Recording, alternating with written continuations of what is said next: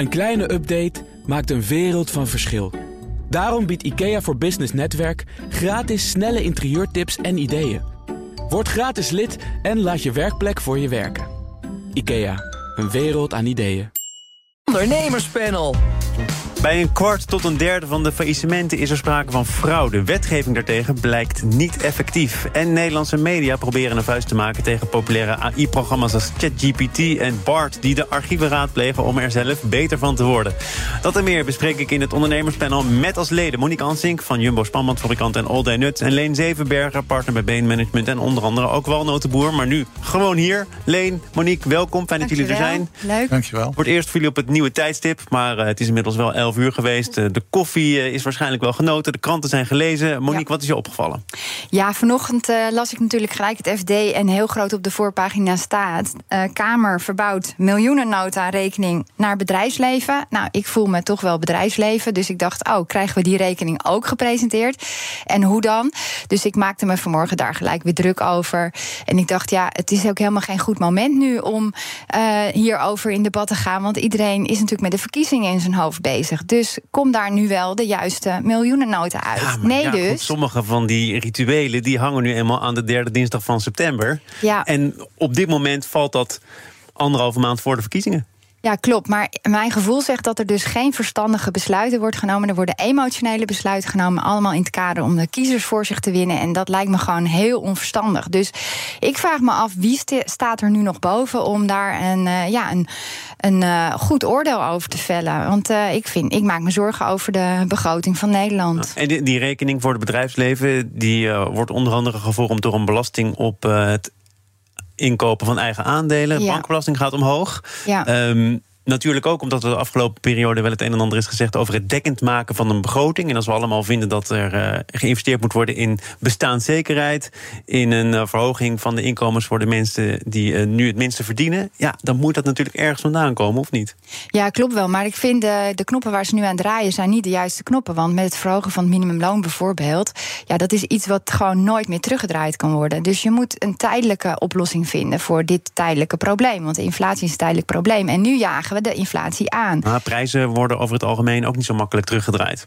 Nee, nee, nee, maar we jagen nu de, de, de, inflatie aan. En het grote probleem is als we nu dus de rekening bij het bedrijfsleven leggen, die wil juist nu ook verduurzamen, dan is daar ook straks weer geen geld voor. Dus we, ja, we gaan gewoon daarmee de verkeerde kant op. Dus ik zou graag daarover doorpraten en uh, ja, ook wel de Kamer daar even van ons perspectief van uh, willen laten weten. Want uh, ik maak me heel erg veel zorgen. Nee, wat is jouw perspectief op deze zaak? Op deze zaak, nou ja, dat de Kamer in zijn algemeenheid heel erg, uh, wat, wat jij al zegt, Monique, bezig is met uh, uh, beeldvorming. Zeker nu omdat de verkiezingen eraan komen.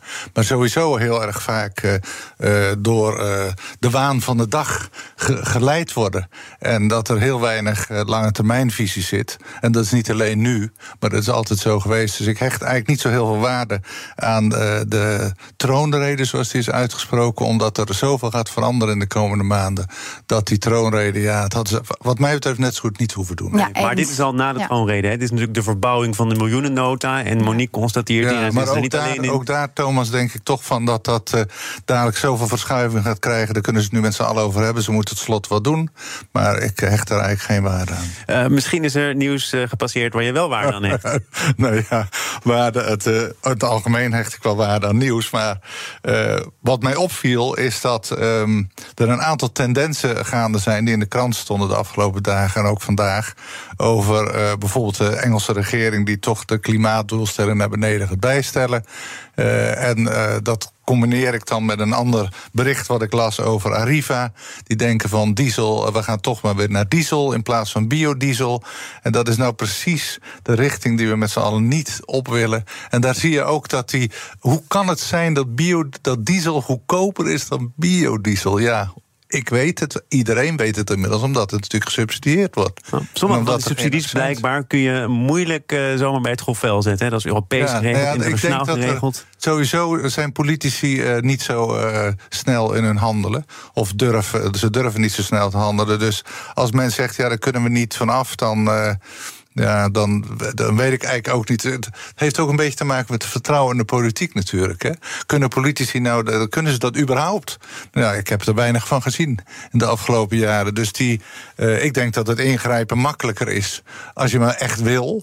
Maar dat is niet altijd misschien goed voor je imago. Het is niet altijd goed voor je stemmen, uh, voor de verkiezingen. Dus er spelen een aantal argumenten mee die niet mee zouden moeten spelen, denk ik. We gaan naar Nederlandse media. Die proberen hun websites te beschermen tegen AI programma's zoals ChatGPT en BART, die wereldwijd de mediaarchieven raadplegen om hun eigen prestaties te verbeteren. En ondanks pogingen tot blokkades blijft de bescherming tegen deze chatbot, chatbots in de praktijk beperkt. Daarover schreef het eh, FD afgelopen week. Eh, zijn die zorgen van mediabedrijven terecht? Want zij zeggen: ja, eh, we kunnen doen wat we willen, maar wij faciliteren nu eigenlijk dat onze potentiële concurrent ons uiteindelijk naar de kroon steekt, Monique? Ja, in mijn ogen is het zo. Kijk, dit is toch weer een disruptive uh, activiteit. En je moet het eigenlijk, vanuit mijn perspectief, zou ik het omarmen. Dus je kan er tegen vechten, maar dat is een nieuwe tendens, nieuwe trend.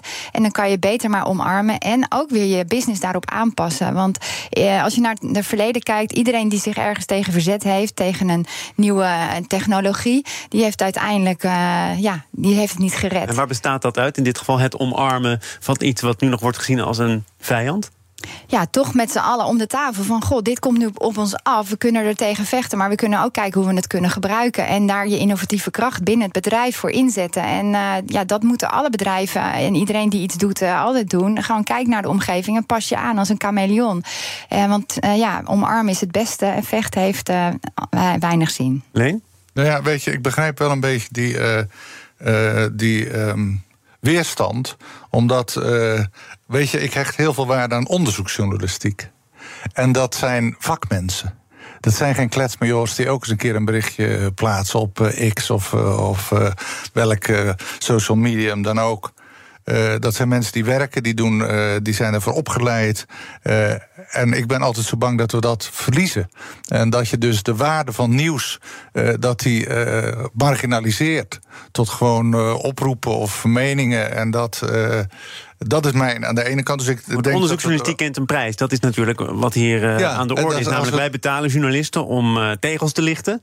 Uh, en nou, dat wordt dan uiteindelijk van die websites of kranten geschraapt, hè, zoals dat dan heet, om die AI programma's beter te maken. En uiteindelijk kan dat resulteren in het lanceren van een eigen ja. nieuwsplatform. Ja, nou weet ik niet of onderzoeksjournalistiek hier per se over onder hoeft te leiden. En ook het echte nieuwsgaring nieuwsgaring, dat kan je niet screpen, want het is er nog niet. Dat is nu. En dat is uh, dus uh, wat Monique zegt, uh, is het je richten op een, op een nieuw businessmodel, is sowieso aan te raden. Uh, want het is niet zo dat, dat, we met elkaar hoeven te bespreken: kunnen we dit stoppen? Dat is, het is niet te stoppen. En uh, het is ook omdat het zo wereldwijd is en via internet zo verspreid wordt, is het ook niet zo makkelijk te grijpen en te blokkeren. Overigens wel, wat je wel ziet, is dat uh, het wel mogelijk is om bijvoorbeeld kunstwerken en tekeningen die mensen maken, om die te filteren, om daar een filter overheen te leggen en ze zo te, tegen scraping te beschermen. Dus er zijn wel technieken die het kunnen beschermen ik, tegen ik, ik, begrijp in dit geval zelfs dat uh, ChatGPT verschillende bedrijven erop gewezen heeft hoe je die strapers uh, buiten de deur houdt. Ja, ja. Uh, ja wat, wat, kun je dan nog meer doen? Als je bijvoorbeeld ook die traditionele media zegt, nou, als je dit niet op prijs stelt, doe dan zus of zo. Dan zullen wij ons daar netjes aan houden. Ja, nou, ik, wat, eh, wij hechten allemaal aan, aan het echte nieuws, aan de, aan de onderzoeksjournalistiek. Dat, ik denk dat iedereen dat heel erg belangrijk vindt. Dus ja, ik zou inderdaad proberen om me daarop te richten. Hoe kan je dat dan markeren? Dat, je, dat, het, dat het van een wetenschappelijk onderzoek onderbouwd is. Want dat wil iedereen, want nu gelooft iedereen wat er overal maar staat. En ik denk dat dat wel een trend gaat worden. Dat je dus daar, daar zou iets moeten voorkomen dat je het kan herkennen. Dit is echt uh, ja, vanuit de wetenschap onderbouwd. En daar zou misschien een, bijvoorbeeld een keur of een bepaald teken achter de naam moeten komen te staan of een register. En eh, ja, als je je daarop focust, ik weet ook het antwoord niet, maar daar zou ik wel op aanslaan. Want ik, ik wil graag onderbouwd nieuws hebben en niet zomaar iemand die wat roept toetert. Er wordt wel het een en ander gesuggereerd, ook door juristen die aan het woord komen in dat FD-artikel, namelijk een licentiemodel, zoals we dat ook kennen voor muzikanten. Buma Stemra, elke keer als het nummer gedraaid wordt, dan vloeit er een deel terug naar eh, de muzikant of naar de uitgever. Er wordt gesproken over eh, deals die mogelijk zouden moeten zijn met de Googles de Facebooks van deze wereld. Wat zou dan op tafel moeten liggen, Leen? Hoe zou dat ongeveer uit moeten zien? Nou ja, ik denk dat je. Uh, ik zie bijvoorbeeld ook al wat in um, blockchain-technologie. Die, nu hebben we alle hypes in één discussie. Nee dat, nee, dat is geen hype. Het is wel een ingewikkelde technologie waar. De, over AI overigens, over hype gesproken. Als je met de echte AI-programmeurs praat, mensen die het echt doen, dat is maar een heel klein groepje. Dan zeggen die dat 90% van wat er verteld wordt door alle nieuwsmakers en alle kletsbureaus over AI, die hebben nog nooit daarmee te maken gehad. Nou, dat, ook bij blockchain is dat zo. Maar blockchain is natuurlijk een technologie waarmee je uh, de authenticiteit van bepaalde zaken kunt volgen. Ja. Op de lange termijn, ook in supply chains, maar dat zou ook met nieuws kunnen. Er wordt nieuws gemaakt en het nieuws wordt gevolgd waar het heen gaat, wie er wat van afhaalt. Dus er zijn wel, uh, ik verwacht ook dat hier technologieën komen. Net zoals nu ChatGPT uh, een hype is, uh, die. Uh, die dit gaan uh, beschermen. Want dit is natuurlijk een markt. Als ik een bedrijf was met AI zou ik denken... ik ga dit eens even oplossen. Ik, ik zie daar gewoon een nieuw businessmodel in. Ja. ja. Ook schrijvers zien hun businessmodel behoorlijk onder druk staan. Hè? John Grisham en nog wat bestseller-auteurs... Uh, die hebben zich nu ook uh, druk gemaakt. Omdat zij zien dat ja, de bestwillende man of vrouw... met een enigszins redelijk pennetje nu in de buurt komt van, van wat John Grisham al 20, maar 30 jaar lang... Maar niet alleen schrijvers, Thomas, ook schilders, ook uh, muzikanten... die ook uh, de stijl van een muzikant kan gepikt worden. De stijl van, een, van iemand die uh, graphics maakt kan gepikt worden. Dus er zijn, omdat, dat, omdat die technologie daar naartoe gaat... kun je langzamerhand alles pikken zonder dat je het verschil ziet tussen echt en on. Nog wel tijd voor afspraken dan toch? Of maar het is, niet anders. Kijk, ja, omarmen het echt waar. Want eh, vroeger zou een schilder ook gedacht hebben: oh jij, de kopieermachine komt eraan, nu kan mijn schilderij gekopieerd worden. Nou, dat kan ook, maar nog steeds wordt er veel betaald voor het echte werk. Dus als je daarover nadenkt, denk je: oké, dat is ook weer opgelost en dit gaat ook opgelost worden. Oké, nee, maar dan wordt het hoog tijd voor iets eh, wat nog niet is opgelost. Ja. Zaken doen. Thomas van Zeil. Monique Ansink en Leen Zevenbergen zijn de leden van het ondernemerspanel. Jaarlijks gaan duizenden bedrijven en instellingen failliet. Volgens schattingen is in een kwart tot een derde van die gevallen sprake van fraude. En wetten bedoeld om die fraude bij faillissementen te voorkomen... blijken niet effectief, concluderen het onderzoeksbureau Regioplan... en het Wetenschappelijk Onderzoek en Documentatiecentrum afgelopen maandag. Leen, wat gebeurt er als er sprake is van faillissementsfraude?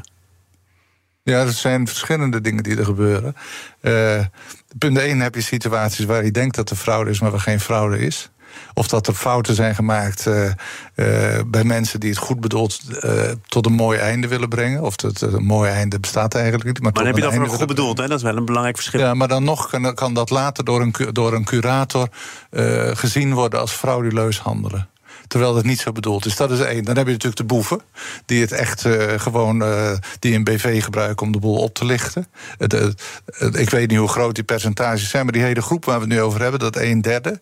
Dat, dat zit weer, kun je onderverdelen in, in verschillende groepen. Waarvan de echte boeven. Die moet je natuurlijk aanpakken. Nou, toen ik dit las, toen dacht ik aan het volgende, Thomas. En dat is. Er zit aan een, een faillissement zitten twee kanten. Je hebt de ondernemer die failliet gaat. En je hebt een curator. Maar ook die curatoren staan ter discussie. Want die curatoren hebben er een, vaak een belang bij, niet altijd, om zo lang mogelijk. Lees het artikel in het FD van vandaag gisteren van Imtech. Ja. Waar, waar echt schijnbaar schandalige bedragen door curatoren tientallen miljoenen uit is gehaald. Dus die zien daar een pot met geld en die blijven zo lang mogelijk zitten. Maar in, in dit geval, uh, Monique, gaat het ook over uh, ondernemers die uh, het einde zien naderen en denken: weet je wat, ik trek de boedel alvast een beetje leeg, waardoor er weinig in zit. En uiteindelijk moet die curator ook betaald worden uit de boedel. Dus als hij of zij de opdracht krijgt om faillissementsfraude te onderzoeken dan moeten er ook uren voor geschreven worden. Moet die curator ook betaald worden, terwijl de boedel al voor een belangrijk deel leeg is omdat er sprake is van fraude. Ja, klopt. Nou, wat ik denk is belangrijk dat we een goede gedragscode maken hiervoor. En er zijn natuurlijk al gedragscodes, maar die moet dan even onder de loep genomen worden, want er zijn nieuwe ontwikkelingen.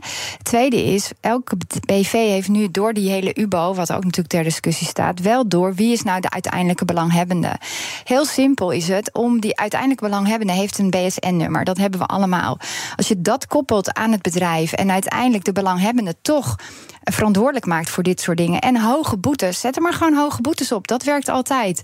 Uh, anders droegen we nog steeds geen uh, veiligheidsgordel in de auto. Gewoon een hele hoge boete. Gebeurt het zowel vanuit de curator of vanuit de ondernemer, dan krijgt die, wordt, krijgt hij die rekening Moet wel duidelijk zijn dat het aan de orde is. Hè? Want er worden wel meldingen gedaan. Ja. Overigens voor heel veel criminele daden. Uh, Fiat wordt erop geattendeerd. Belastingdienst, politie. Conclusie van dit onderzoek.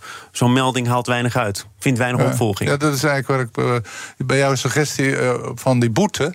Dat, dat zou bij mensen bij ons misschien wel werken. Maar ik ben zo bang dat dat bij de mensen die echt kwaad in de zin hebben.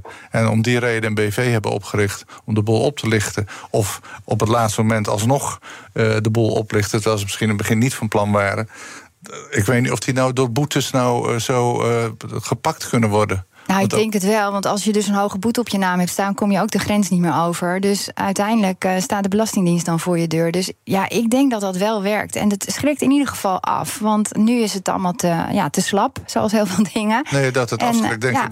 Maar dat zijn, daarom zei ik net, er zijn, ja. uh, er zijn, je moet het niet zien als één groep van frauduleuze ondernemers. Nee, uh, want het is echt onder te verdelen in mensen die. Uh, uh, de, ik ken situaties waar mensen gewoon per ongeluk fout hebben gemaakt. De meeste mensen weten geen eens wat paulineus handel is. En dat hebben ze nog nooit van gehoord. Dus die denken op het laatste moment: ik betaal nog snel even een, uh, een leverancier. En dat ja. wordt allemaal weer teruggedraaid. Ja. Door de curator laten, want die bepaalt het allemaal zelf. Dus vanaf een bepaald moment, en dat is een vaag moment, moet een ondernemer gaan beslissen: ga ik nu failliet of niet? En vanaf dat moment mag hij eigenlijk niks meer doen. Maar dat weten de meeste mensen helemaal niet. Dus er is er ook een boetes aan de ene kant onkunde. Aan de andere kant bij mensen paniek als ja. ze failliet gaan, uh, wat natuurlijk een grote rol speelt. Dus het is, ik denk dat het niet altijd per se vrouwen die. Voor de mensen die meer willen weten over eh, Pauliana en de wereld van de curatoren. Er is elke vrijdag in dit programma om uh, 1 uur een aflevering van Onder Curatoren. Vandaag dus weer over het faillissement van Spijker. Dus blijf gerust even luisteren, want daar was ook van alles aan de hand. Uh, zometeen gaat het in dit programma over een koopjesketen, Big Bazaar, die nog niet failliet is. Maar hoe lang duurt dat nog? Het ondernemerspanel is te gast met Monique Ansink van Jumbo Spanbandfabrikant en All Day Nuts en Leen Zevenbergen van Been Management en Walnotenboer. Budgetwinkelketen Big Bazaar heeft opnieuw een faillissement weten te voorkomen dankzij een kapitaalinjectie van 2 miljoen euro. En daarmee zegt het bedrijf vier weken vooruit te kunnen, meldt de Leeuwarder Courant. Daarmee is een faillissement dus tijdelijk althans voorkomen. Maar oud-eigenaar Mirage Retail Group kan nog dwars liggen. Uh, want Leen, wat is er aan de hand? Er is een... een ondernemer geweest. Die heeft nu gezegd: uh, Ik wil jullie een lening verstrekken van 2 miljoen euro. En dat mag niet. Hè? Nee, dat mag eigenlijk niet. Want daarmee zou er dan uiteindelijk een herstructureringsdeskundige kunnen worden aangesteld. om te praten over het saneren van de schulden. Maar die oud-eigenaar, Mirage Retail Group, zegt: ja, luister eens. Concreet, in de kern is er in die cijfers heel weinig veranderd. De boel moet gewoon failliet.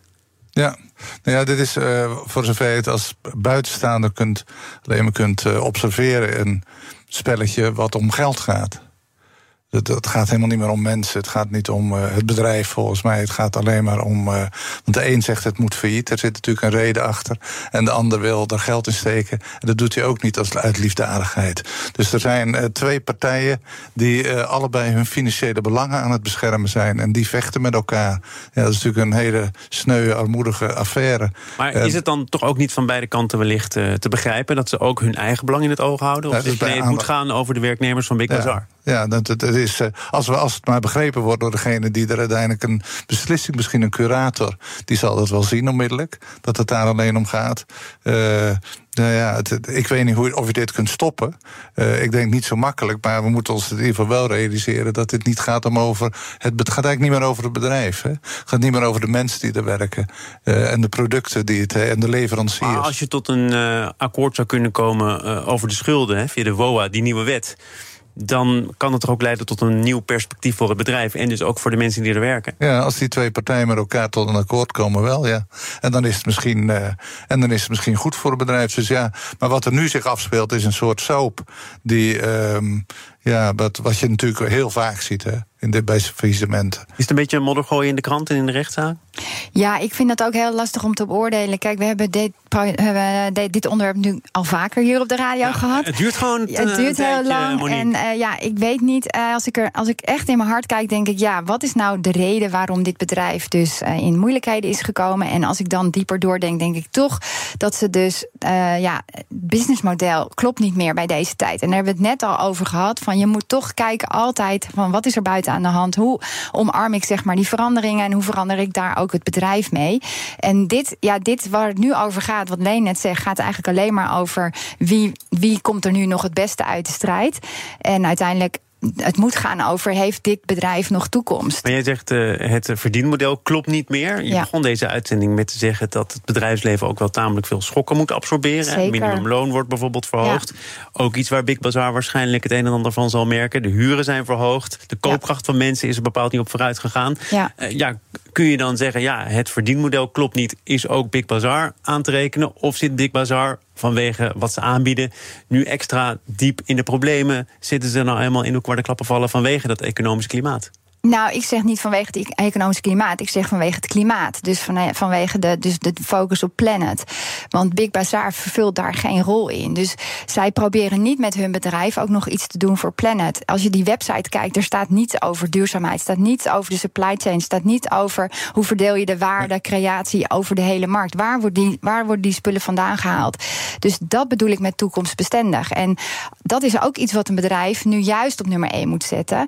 En dan komt die waardecreatie ja, die waarde vanzelf. Dan wordt het vanzelf een, een, belangrijk toekomstig bestendig bedrijf. Dus het businessmodel uh, klopt gewoon niet. praten over Big Bazaar zei je ook... joh, al gebeurt het morgen, wat mij betreft gaan ze failliet. Ja, kijk, dat vind ik niet eerlijk richting de leveranciers natuurlijk en de medewerkers. Maar ook leveranciers en medewerkers kunnen zich vragen, uh, vragen stellen aan het management, aan het bestuur. Van waarom staat er niets bij ons in de, op de website over duurzaamheid? Waar zijn onze toekomstbestendige plannen?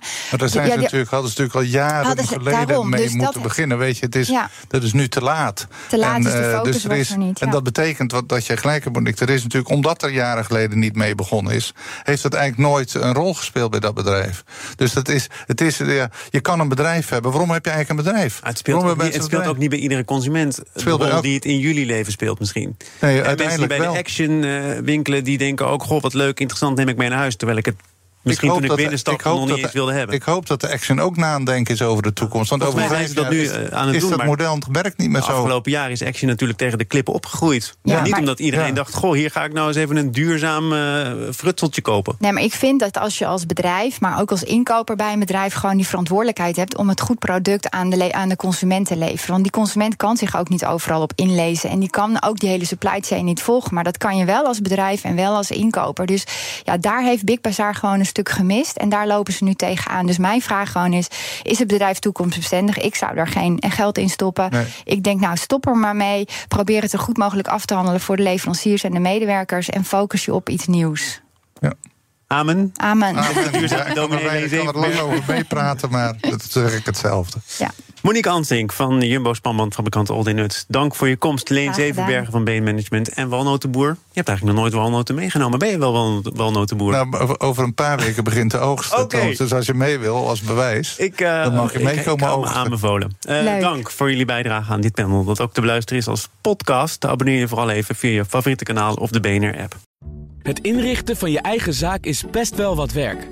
Daarom biedt IKEA voor Business Netwerk 50% korting op interieuradvies.